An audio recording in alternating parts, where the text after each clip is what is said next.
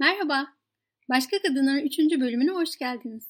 Bu bölümümüzün adı Kadınların Bildikleri ve bu bölümün başka kadını Ursula Le Guin. Dingindir zihin, yalanlarla dolu gösterişli kitaplar asla yetmez her şeye. Domuzların üstünde dolaşan şaşkın sinekler gibidir düşünceler. Sözcüklerdir bütün derdim. Yontar dururum bir taşı otuz yıl bitmez yine de göremediğim o şeyin imgesi. Bitirebilsem azat ederim onu. Bırakırım dönüşsün enerjiye. Yontarım ve şarkı söylerim kekeleyerek ama bütün kuşlar gibi benim de söylediklerim gerçek değil. Ne zaman düşünce diyecek olsam kekelemeye başlarım ve sözcük kalır hep yarım. Öyleyse nedir karın ağrım? Bilirim, ağırdır tuttuğum taş. Domuzların yemek artıklarına üşüşen sinekler gibidir düşüncelerim. Katılırım domuzlara yemeğimi almak için. İşte budur dingin bir zihin. Ursula Le Guin 1977 Kadınlardan ne öğreniriz sorusuna cevaben ilk devasa genellemem şu olacak. İnsan olmayı öğreniriz. Bin yıl evvelden başlayıp şu anımıza kadar tüm toplumlarda yürümeye, konuşmaya, yemek yemeye, şarkı söylemeye, dua etmeye, başka çocuklarla oyun oynamaya ilişkin temel yönergelerin çoğunu hangi yetişkinlere saygı duyacağımızı, neden korkup neyi seveceğimizi, en temel becerileri, en yılın kuralları bize kadınlar sağladı. Hayatta kalmayı ve bir toplumun üyesi olabilmeyi o muhteşem ve karma karışık işi öğrettiler. Çoğu zaman, çoğu yerde bebeklerle küçük çocuklar ağırlıklı olarak ve genelde yalnızca anneleri, büyük anneleri, teyze ve halaları, komşuları, köydeki kadınlar, anaokulu ve kreş öğretmenleri tarafından eğitilirler. Süpermarkette çocuklarıyla birlikte genç bir anneyi gördüğünüzde aslında bir hayat bilgesini, inanılmaz karmaşık bir müfredatı öğretmeye çalışan bir öğretmeni görüyorsunuz. Bu işi iyi bir şekilde yapması ya da yapmaması genel kuralı etkilemez. Çoğu zaman bunları yapan kişi kadındır. Öğrettiği temel beceriler büyük ölçüde cinsiyetsizdir. İş toplumsal becerilere gelince bunlar mavi ya da pembe renge boyanabilir. Bir kız çocuğuna yetişkinlerin yanında sessiz ve kibar olması öğretilirken bir oğlan çocuğuna bağırması ve kafanızı ütülemesi salık verilebilir. Kız çocuğu başında çiçeklerle dans ettiği için övülürken bir oğlan çocuğu bunu yapsa ayıplanır. Fakat en nihayetinde kadınlar tarafından öğretilen esas beceriler ve terbiyeli davranışlar her iki cinsiyet içinde geçerlidir. Küçük çocukların erkeklerden öğrendikleri şeyler genelde cinsiyetçidir. Oğlanlar büyüyünce erkekler onları eğitme işini neredeyse tamamen devralırlar. Bu esnada kızların eğitimlerini göz ardı ederler. Binlerce yıldır kız çocuklarının eğitimi neredeyse tamamen domestik ve dişil olmuştur. Çoğu yerde hala öyledir. Binlerce yıldır kız çocuklarına itaatten başka hiçbir şey öğretmediler neredeyse. 6 yaşlarından sonra genel kural oğlan çocuklarının erkeklerden, kız çocuklarının kadınlardan ders alması olmuştur. Toplumsal cinsiyet ayrımı ve hiyerarşi. Örtme veya şeriat düzeni ne kadar mutlak olursa bu yargıda o kadar meşrudur. Babaların öğrettikleri hiyerarşiyi sürdürmeye ve statikoyu korumaya meyillidir. Toplumsal ve ahlaki dönüşüm çocuklarına yeni durumlara nasıl uyum sağlayacaklarını öğretmeye çalışırken hiyerarşiye yatırım yapmayan kadınlarla başlayabilir. Öğrendiklerimizin çok büyük bir kısmını hikaye olarak öğreniriz. Bize kim olduğumuzu, nereye ait olduğumuzu anlatan mitleri ve hikayeleri, ateşin başında toplanınca bize yakın çevremizdeki insanları ve ailemizi anlatan masalları, kabilemizin ya da ulusumuzun resmi kayıtlarını dinler, okur, öğreniriz. Bu hikayeleri kim anlatır? Bunları kimden öğreniriz? Yüzyıllar boyunca ailemizin kim olduğuna, aile üyelerinin nasıl davrandığına dair hikayeleri canlı tutanlar ailenin kadınları olmuştur. Erkek rahipler, şamanlar, liderler, şefler ve profesörler daha geniş kabilemizin, halkımızın, ulusumuzun üyeleri olarak nasıl davranmamız gerektiğine ve kim olduğumuza dair anlatılar öğretir. Kadınlar bireysel hikayeleri aktarır, erkeklerse kamusal tarihi. Erkeklerin öğretileri statikoyu desteklemeye meyillidir fakat daha bireyci olan kadın öğretileri tahrip edici ve düzen bozucu olmaya daha yakındır. Kamusal eril öğretiler ile özel dişil öğretiler birbirlerine hiç benzemeyebilir ve bu farklılıklar oldukça kafa karıştırıcı olabilir. Bir aile oğullarını huzur ve merhamet içinde yaşanan bir hikayede yetiştirebilir. Fakat sonra erkek bir kurum yani ordu onları alıp bir savaş hikayesinin içine koyar. Burada öldürmeye ve hiç vicdan azabı çekmeksizin zalimleşmeye sürüklenirler. Bir anne kızlarına yemek pişirme ve ev işleriyle uğraşma gibi zengin bir beceri geleneğini aktarabilir.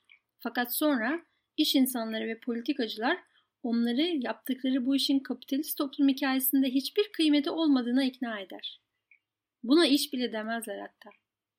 Toplumdaki ve kültürümüzdeki erkek egemenliğini destekleyen dayanaklardan biri, büyük sanat eserlerinin erkekler tarafından yapıldığı ve gerçek edebiyatın erkekler tarafından erkekler hakkında üretildiği düşüncesidir.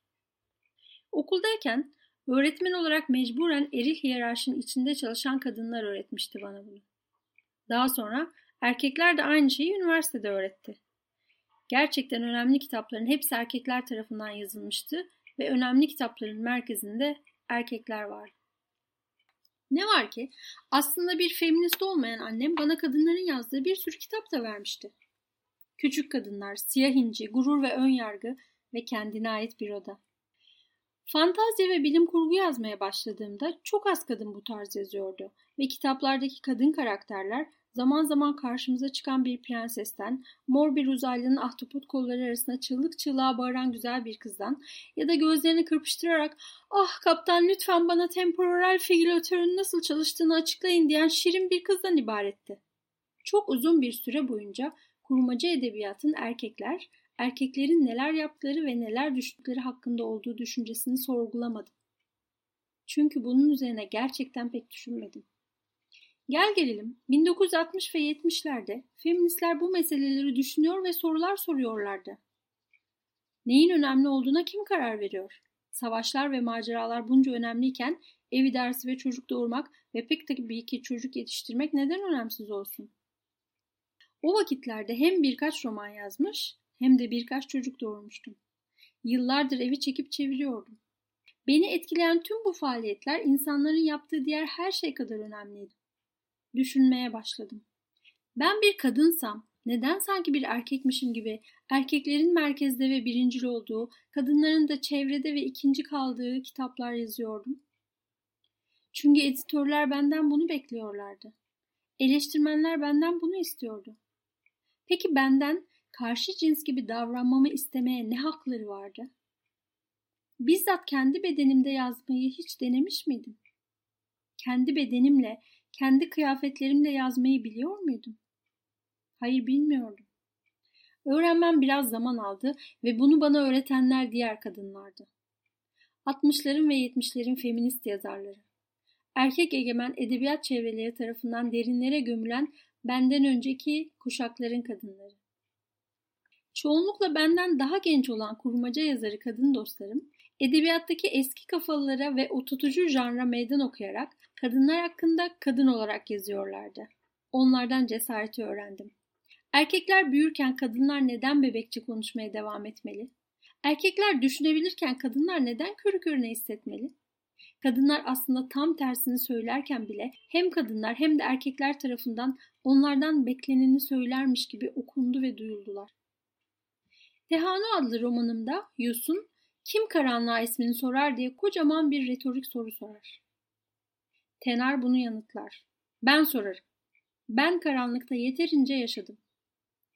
Yusun aslında tam da maskülinist bir toplumun kadınlardan duymak istediği şeyi dile getirir. Erkeklerin kadınlara bıraktığı biricik bölgeye, ilkel, gizemli ve karanlık olana gururla sahip çıkar.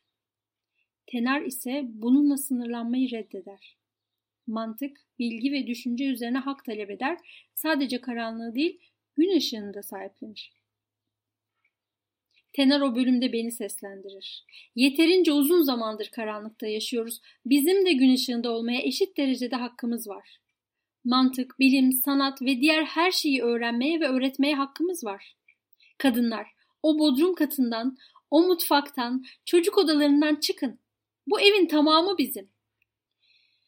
Ve erkekler, sizin de o gözünüzü korkutan karanlık bodrum katında, mutfakta, çocuk odalarında yaşamayı öğrenme vaktiniz geldi.